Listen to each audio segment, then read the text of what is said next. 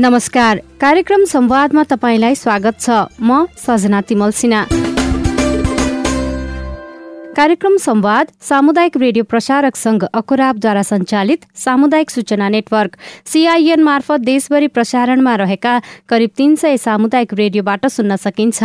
कार्यक्रम संवाद W W W dot C I N Khabar dot कममा इन्टरनेट मार्फत चाहेको बेला विश्वभरि सुन्न सकिन्छ भने मोबाइल एप सीआईएन डाउनलोड गरेर पनि सुन्न सकिन्छ। यसै गरी हामीलाई Facebook page community information network सीआईएनमा गएर पनि सुन्न सक्नुहुन्छ। यो स्वास्थ्यसँग सम्बन्धित विविध विषयमा केन्द्रित रहनेछ। आजको कार्यक्रममा हामी नेपालमा आँखाको नानी प्रत्यारोपण र मृत्युपछि गरिने नानी दानको विषयमा विभिन्न सामग्री प्रस्तुत गर्नेछौं। स्याङ्जाका सबिन बोगटीको जन्मदै दुवै आँखामा दृष्टि थिएन तर उहाँको यो समस्या परिवारले तीन वर्षको उमेरमा मात्र थाहा पायो। त्यसपछि उपचारको लागि काठमाडौँका विभिन्न अस्पताल लगियो तर उपचार सम्भव नभएको प्रतिक्रिया आयो। यद्यपि परिवारले आश मारेन।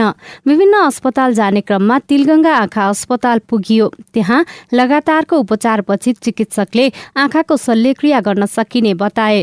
तर त्यो सफल हुन्छ नै भन्ने थिएन। जोखिम मोल्न परिवार राजी भयो। त्यसपछि एघार वर्षको उमेरमा दुई हजार त्रिसठी सालमा सबिनको दायाँ आँखाको नानी प्रत्यारोपण गरियो। जन्मजात आँखा नदेख्ने उहाँले पहिलो पटक बाहिरी संसार देख्नुभयो। एघार वर्षको उमेरमा गरेको शल्यक्रिया सफल भएपछि पन्ध्र वर्षको उमेरमा माया आँखाको पनि शल्यक्रिया भयो। अहिले सबिन दुवै आँखा राम्ररी देख्नुहुन्छ आफै गाडी कुदाउन सक्नुहुन्छ। आफ्नो काम गर्न कसैको भर पर्नु पर्दैन। कसैले मृत्युपछि दान गरेको नानीले आफ्नो जीवन परिवर्तन भएको उहाँ सुनाउनुहुन्छ। दृष्टि नहुँदा चाहिँ अब त्यही केही कुराहरू पनि आफ्नो आफूले चाहे जस्तो हुन्थेन कि गर्न नि सकिन्थेन।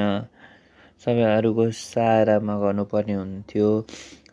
अरूको सहयोग चाहिन्थ्यो। म यस्तो गर्छु उस्तो गर्छु भने अरूलाई भने ल गरिदियो भने उनीहरूले ल भन्ने हुन्थ्यो। नगरिदिएदेखि यति आशै आशमा बस्नुपर्ने हुन्थ्यो। जब दृष्टि पायो त्यो पछि चाहिँ अब सबै कुराहरू आफूले देख्न पायो नि त। कस्तो त्यो अब एक किसिमको नयाँ संसार नै पाए जस्तो भयो। दृष्टि नहुँदा हुँदा चाहिँ तपाईँको आकाश पातालको फरक पर्छ। जस्तो कि एउटा मान्छेलाई अन्धकार कोठामा लगाएर छोडिदियो भने उसलाई एकछिन टाइम स्पेन्ड गर्न त कति गाह्रो हुन्छ भने मेरो त झन् होल लाइफ लाइफ एघार बाह्र वर्षको कुरा हो। एघार बाह्र वर्षसम्म अन्धकार जीवन जिउँदाखेरि त अभियसली डिफिकल्ट है अब जे होस् अहिले राम्रो भइरहेछ। दृष्टि पाएपछि धेरै खुसी छु। सबै कामहरू आफै गर्न पाइरहेको छु। कसैको सहारा लिनु परेको हुँदैन पढ्न लेख्न हरेक कामहरू गर्न मैले मेरो दृष्टि पाएपछि गरेको हो। जसरी हामीले मृत्युपछि खेर जाने आँखा हुन्छ त्यो दान गरेर दिएर कसैले नयाँ जीवन पाउँछ भने जलाएर नष्ट गरेर चाहिँ किन फाल्ने डोनेट गरौँ न आफू मरेर गए नि आफ्नो आँखा चाहिँ जीवित कसैसँग भइरहेको छ नि त। अहिलेको अहिलेको समाजमा चाहिँ कस्तो छ भन्नुहुन्छ भने चाहिँ मैले पनि देखिरहेको हो हो। मरेर गइसकेपछि आँखा निकाल्यो भने चाहिँ अर्कोचोटि दृष्टिबिन भइन्छ हामीले आँखा देखिँदैन भन्ने त्यो थिङ्किङ छ सबैमा। तर त्यस्तो चाहिँ कहिले पनि हुँदैन। मरेर जाँदाखेरि हामीले त्यो आँखा जलाएर फाल्ने नै हो।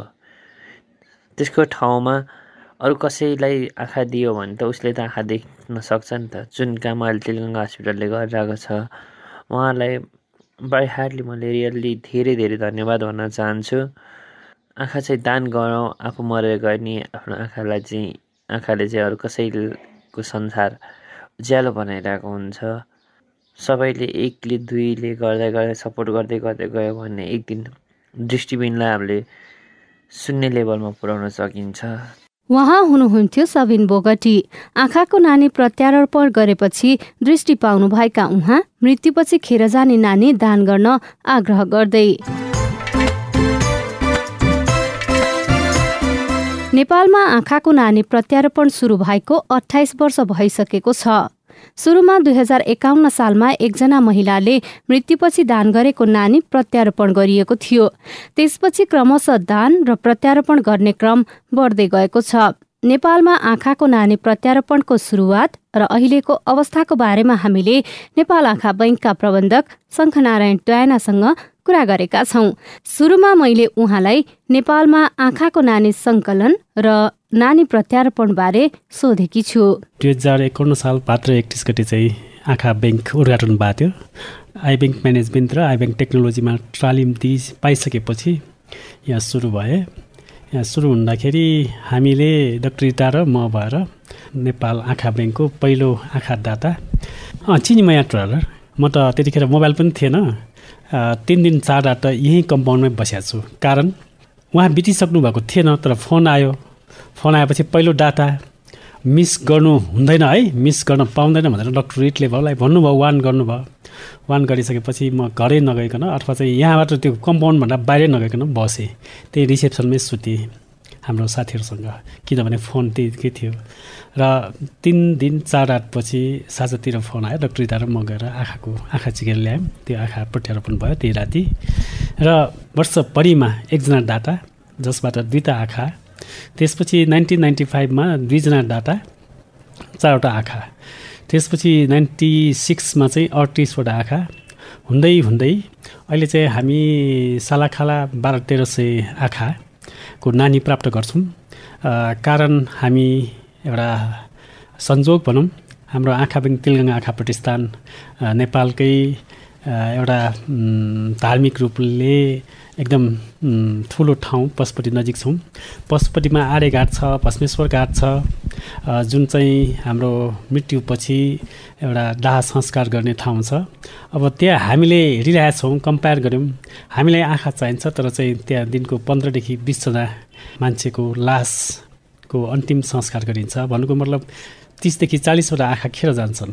त हामीले किन पहल नगरौँ भनेर पशुपति जस्तो एउटा चाहिँ सेन्सिटिभ ठाउँमा मृत्युपछि आँखा दान गरेर कोही आँखाको नानीको कारणले दृष्टिविहीन भएकालाई चाहिँ आँखाको ज्योति किन नफर्काउँ भन्ने अभिप्रायले हामी चाहिँ त्यहाँ काउन्सिलिङ ग्रिफ काउन्सिलिङ शोकाकुल अवस्थामा अब गएर सुझबुझ गरेर आँखाको उहाँहरूको चाहिँ स्वीकृति लिएर अनि साक्षीसहित आँखाको नानी किन प्राप्त नगर्ने भन्ने हिसाबले हामीले प्रयास गऱ्यौँ।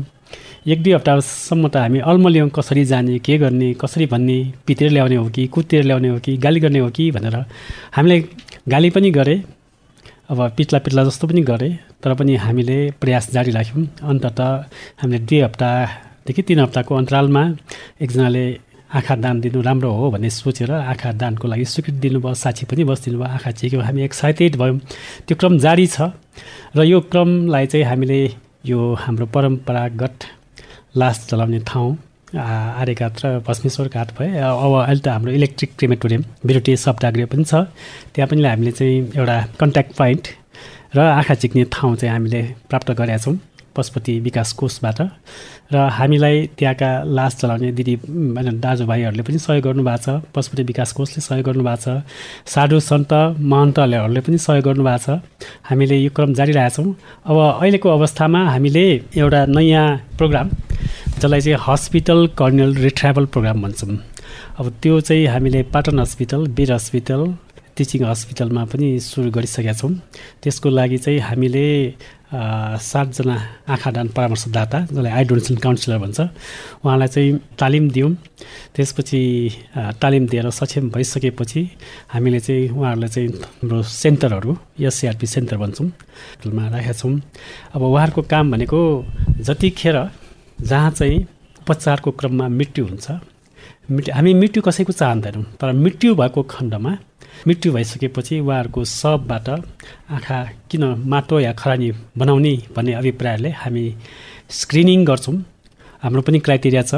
त्यो क्राइटेरिया हेरेर हाम्रोमा चाहिँ फिट छ भने हामी चाहिँ एप्रोच गर्छौँ।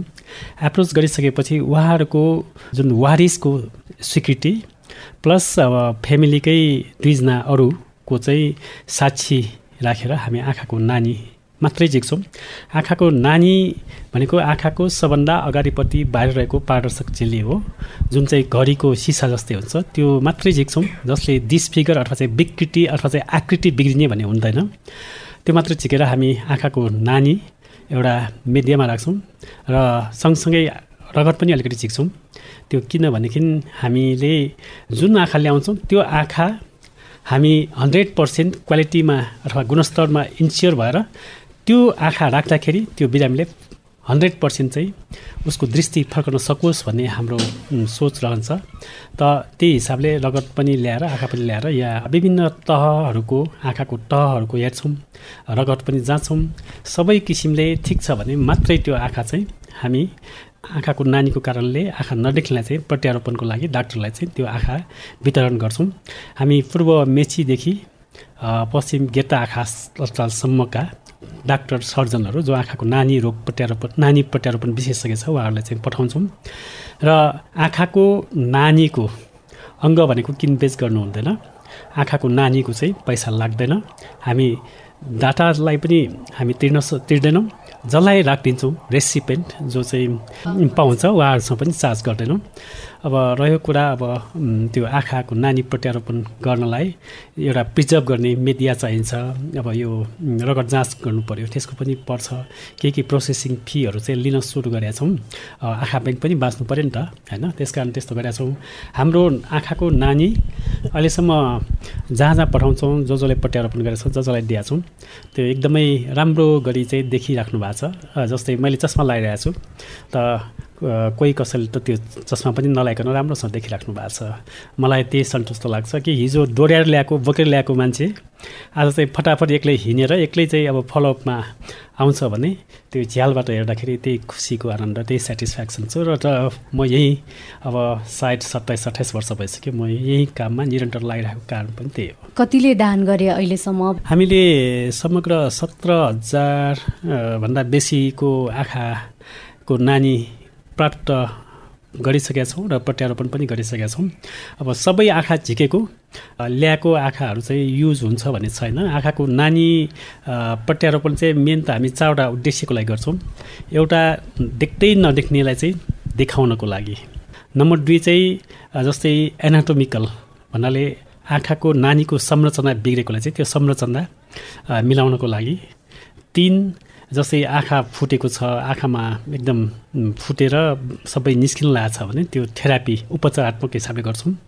अर्को चाहिँ कस्मेटिक। आँखा देख्दैन तर आँखाको जुन लुक्स छ नि त्यो दिनको लागि पनि गर्छौँ। चारवटा उद्देश्यको लागि गर्छौँ। त्यसमध्येमा अब धेरै त यो नदेख्नेलाई देखाउने नै हो होइन? अब समग्र भन्दाखेरि हामीले कुनै कुनै बेला रगत ल्याएर रगतमा चाहिँ एचआइभी पोजिटिभ आइलिन्छ। कुनैमा चाहिँ सिफ्लिस पोजिटिभ आइलिन्छ। कुनैमा हेपाटाइटिस बी आइलिन्छ कुनैमा हेपाटाइटिस सी आइलिन्छ पोजिटिभ भएको हामी चाहिँ युज गर्दैनौँ। अब अर्को कुरा हामीले हाम्रो नाङ्गो आँखाले नदेख्ने कुनै कुनै अब स्ट्रेस लाइनहरू हुन्छ कुनै इन्फिल्ट्रेसनहरू हुन्छ अब कसै कसैको चाहिँ अपासिट नै भइदिन्छ। त्यस्तो आँखा चाहिँ हामी थेरापेटिकको रूपमा अथवा चाहिँ रिसर्च र ट्रेनिङको रूपमा पनि युज गर्छौँ होइन? तर नियर एबाउट हामीले यहाँ तपाईँले पनि देख्नु भएको छ नाइन्टी सेभेन पर्सेन्ट युटिलाइजेसन हुन्छ भनेको चाहिँ थ्री पर्सेन्ट युटिलाइज भएन होइन? नाइन्टी थ्री पर्सेन्ट भयो सेभेन्टी पर्सेन्ट कुनै एयरमा यस्तो छ।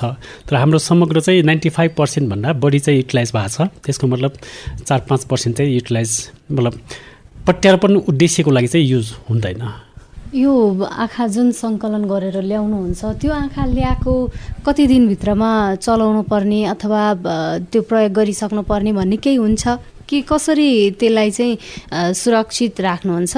कोही कसैको मृत्युपछि सकेसम्म छिटो आँखा झिक्नु गुणस्तरतामा चाहिँ राम्रो हुनु हो। त्यस्तै किसिमले आँखा झिकिसकेपछि आँखा या प्रिजर्भ गरिसकेपछि जति सकिन्छ त्यति छिटो प्रत्यारोपण गऱ्यो भने त्यो त्यसको सक्सेस रेट हाई हुन्छ होइन? डेट टु प्रिजर्भेसन टाइम होइन?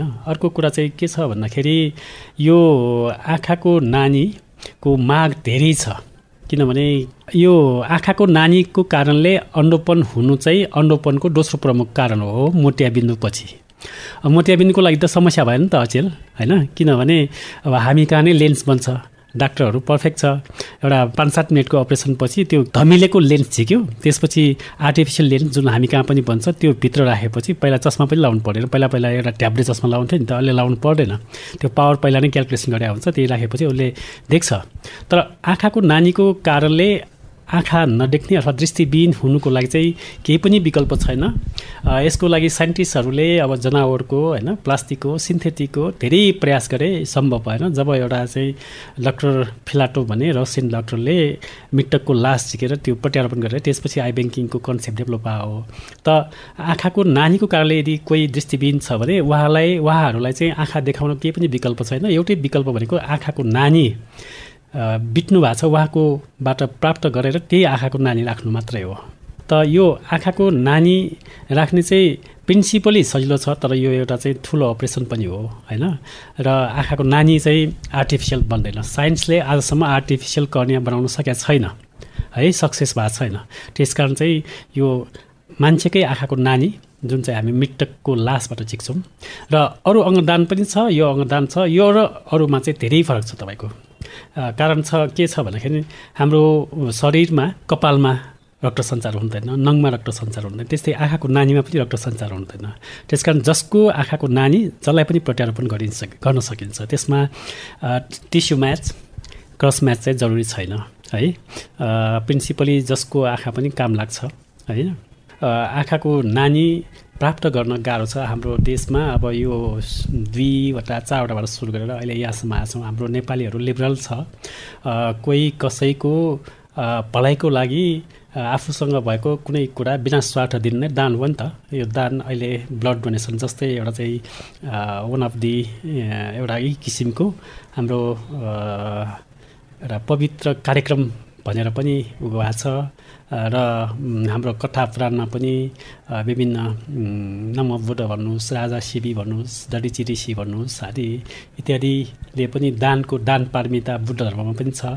त्यस कारण चाहिँ यो दानको महिमा आफू बितिसकेपछि पनि अब खेर जाने कसैको लागि दृष्टि बन्छ अथवा चाहिँ कोही कसैको आमा बाउ अथवा चाहिँ कोही कसै आफन्त आफ आफन्तजन बित्नु भएको छ भने फेरि एक जोइन त देख्ने भयो नि त। होइन? त्यो हिसाबले पनि हाम्रो नेपालमा राम्रै भइरहेछ र समग्र हाम्रो नेपालले अब अघि साथीहरूले पनि भनिसक् सक्नु भएको छ हाम्रो क्वालिटी हाम्रो गुणस्तरता अन्तर्राष्ट्रिय स्तरको छ। कारण हामीले साइट लाइफ युएसएको एउटा नेटवर्किङ आई ब्याङ्कको स्ट्यान्डर्डमा काम गर्छौँ। जति पनि इक्विपमेन्ट इन्स्ट्रुमेन्ट प्रोसिडियर छ उहाँले जुन एउटा स्ट्यान्डर्ड अपरेटिङ प्रोसिडियर होइन? त्यो कार्य प्रोसिजर छ नि? के भन्छ नेपालीमा भन्न आएन।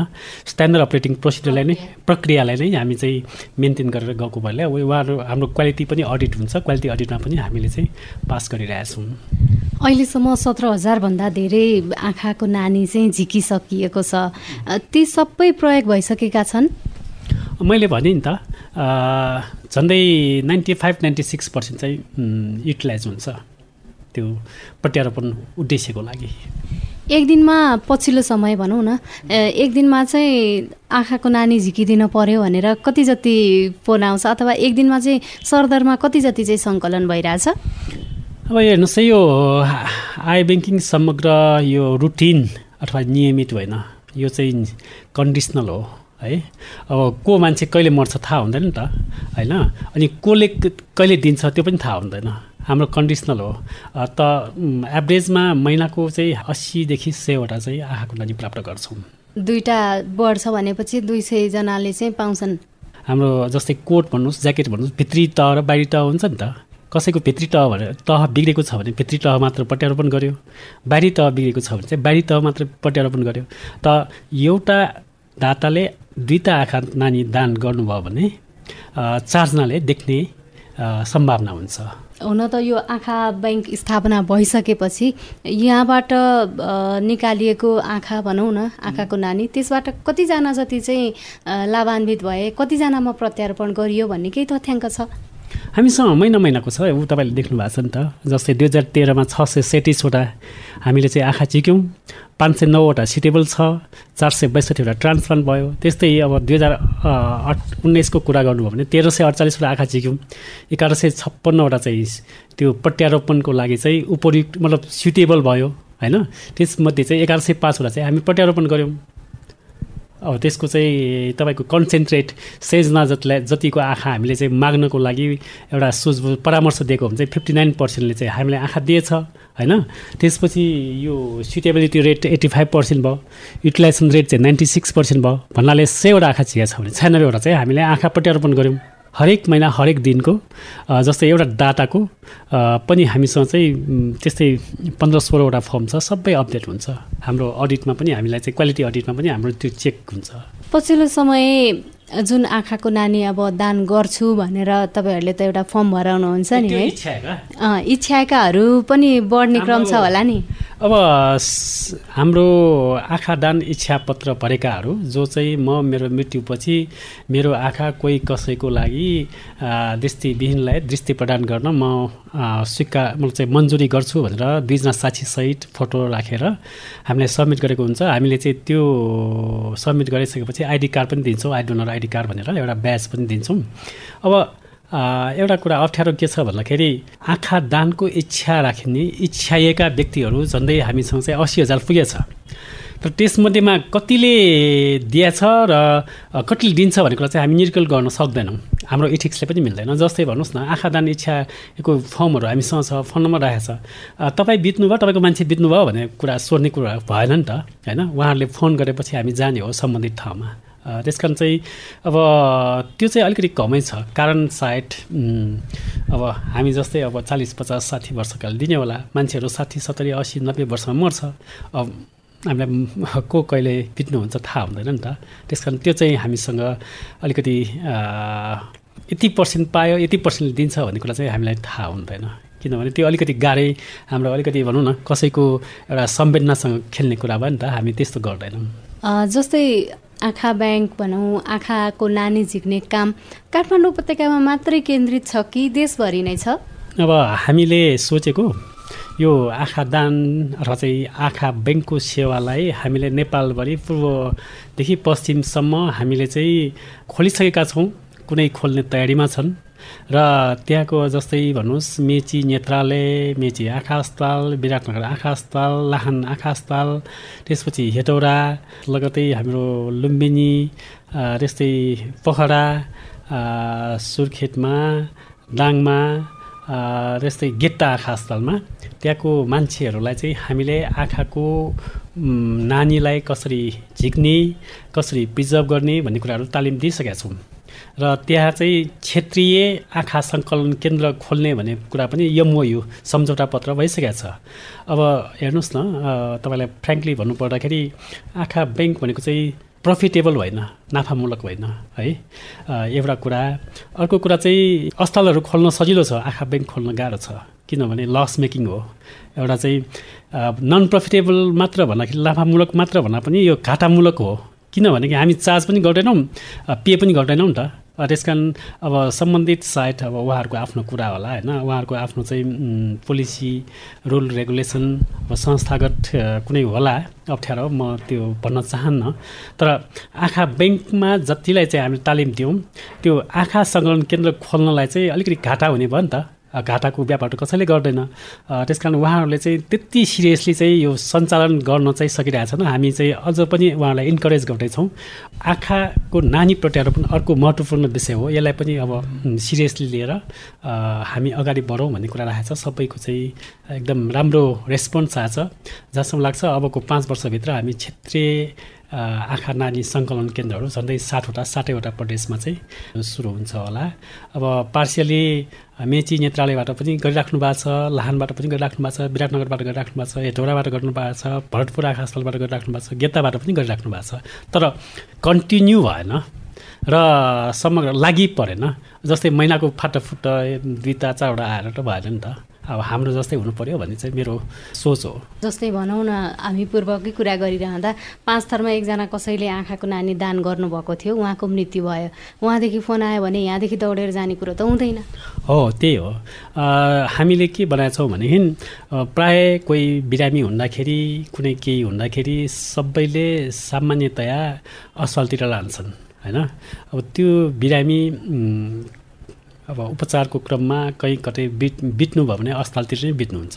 हामी जसरी चाहिँ विराटनगर पाटनमा पाटन गङ्गालाल वीर अस्पतालसँग गरिरहेका छौँ त्यसरी नै त्यहाँको लोकल क्षेत्रीय अस्पतालहरूमा जिल्ला अस्पतालहरूमा समन्वय राख्नको लागि हाम्रो जुन स्थानीय आँखा अस्पतालहरूसँग चाहिँ हामीले संयोजन गरेर उहाँहरूकोलाई चाहिँ एउटा सम्झौता पत्र बनाउँदै त्यहाँ पनि क्षेत्रीय आँखा सङ्कलन केन्द्रको लागि चाहिँ हामीले उहाँलाई इन्करेज गरिरहेछौँ उहाँलाई सल्लाह दिइरहेछौँ हामीले चाहिँ टेक्निकल सपोर्ट गरिरहेछौँ केही वर्षमा हामी त्यो गर्न सक्छौँ होला। मेरो मृत्युपछि मेरो आँखाले चाहिँ कसैलाई संसार देखाउन मद्दत गर्छ भन्ने कुरा थाहा नहुन सक्छ।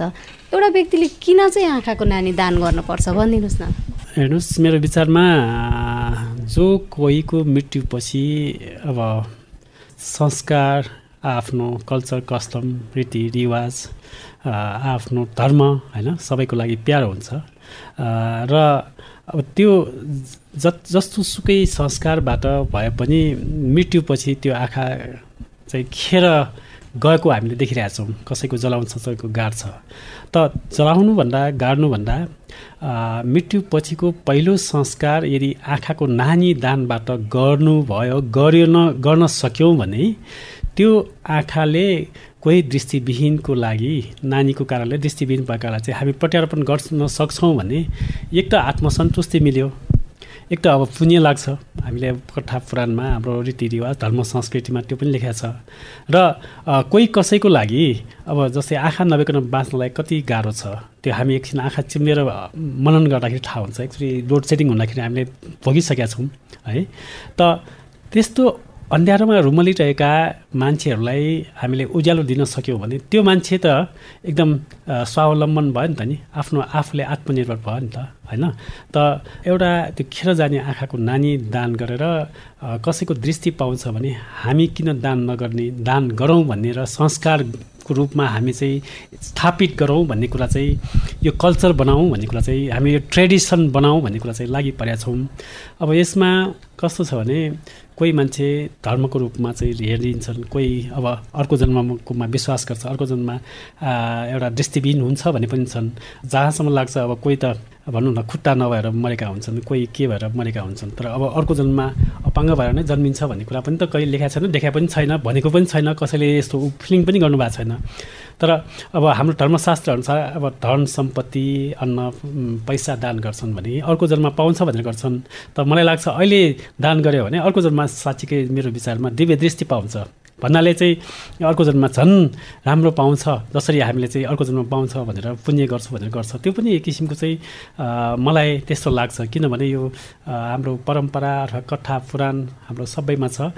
र मेरो ध्येय चाहिँ मृत्युपछि खेर जाने आँखाको नानीलाई किन हामीले चाहिँ उपयोग गरेर उपयोग गर्न गराउन चाहिँ नलाग्ने ताकि दृष्टिविहीनलाई चाहिँ आँखा देखाउन लागि नपर्ने भन्ने नै मेरो सोच हो। उहाँ हुनुहुन्थ्यो नेपाल आँखा बैङ्कका प्रबन्धक शङ्खनारायण त्वेना नेपालमा आँखाको नानी सङ्कलन र प्रत्यारोपणको बारेमा कुरा गर्दै।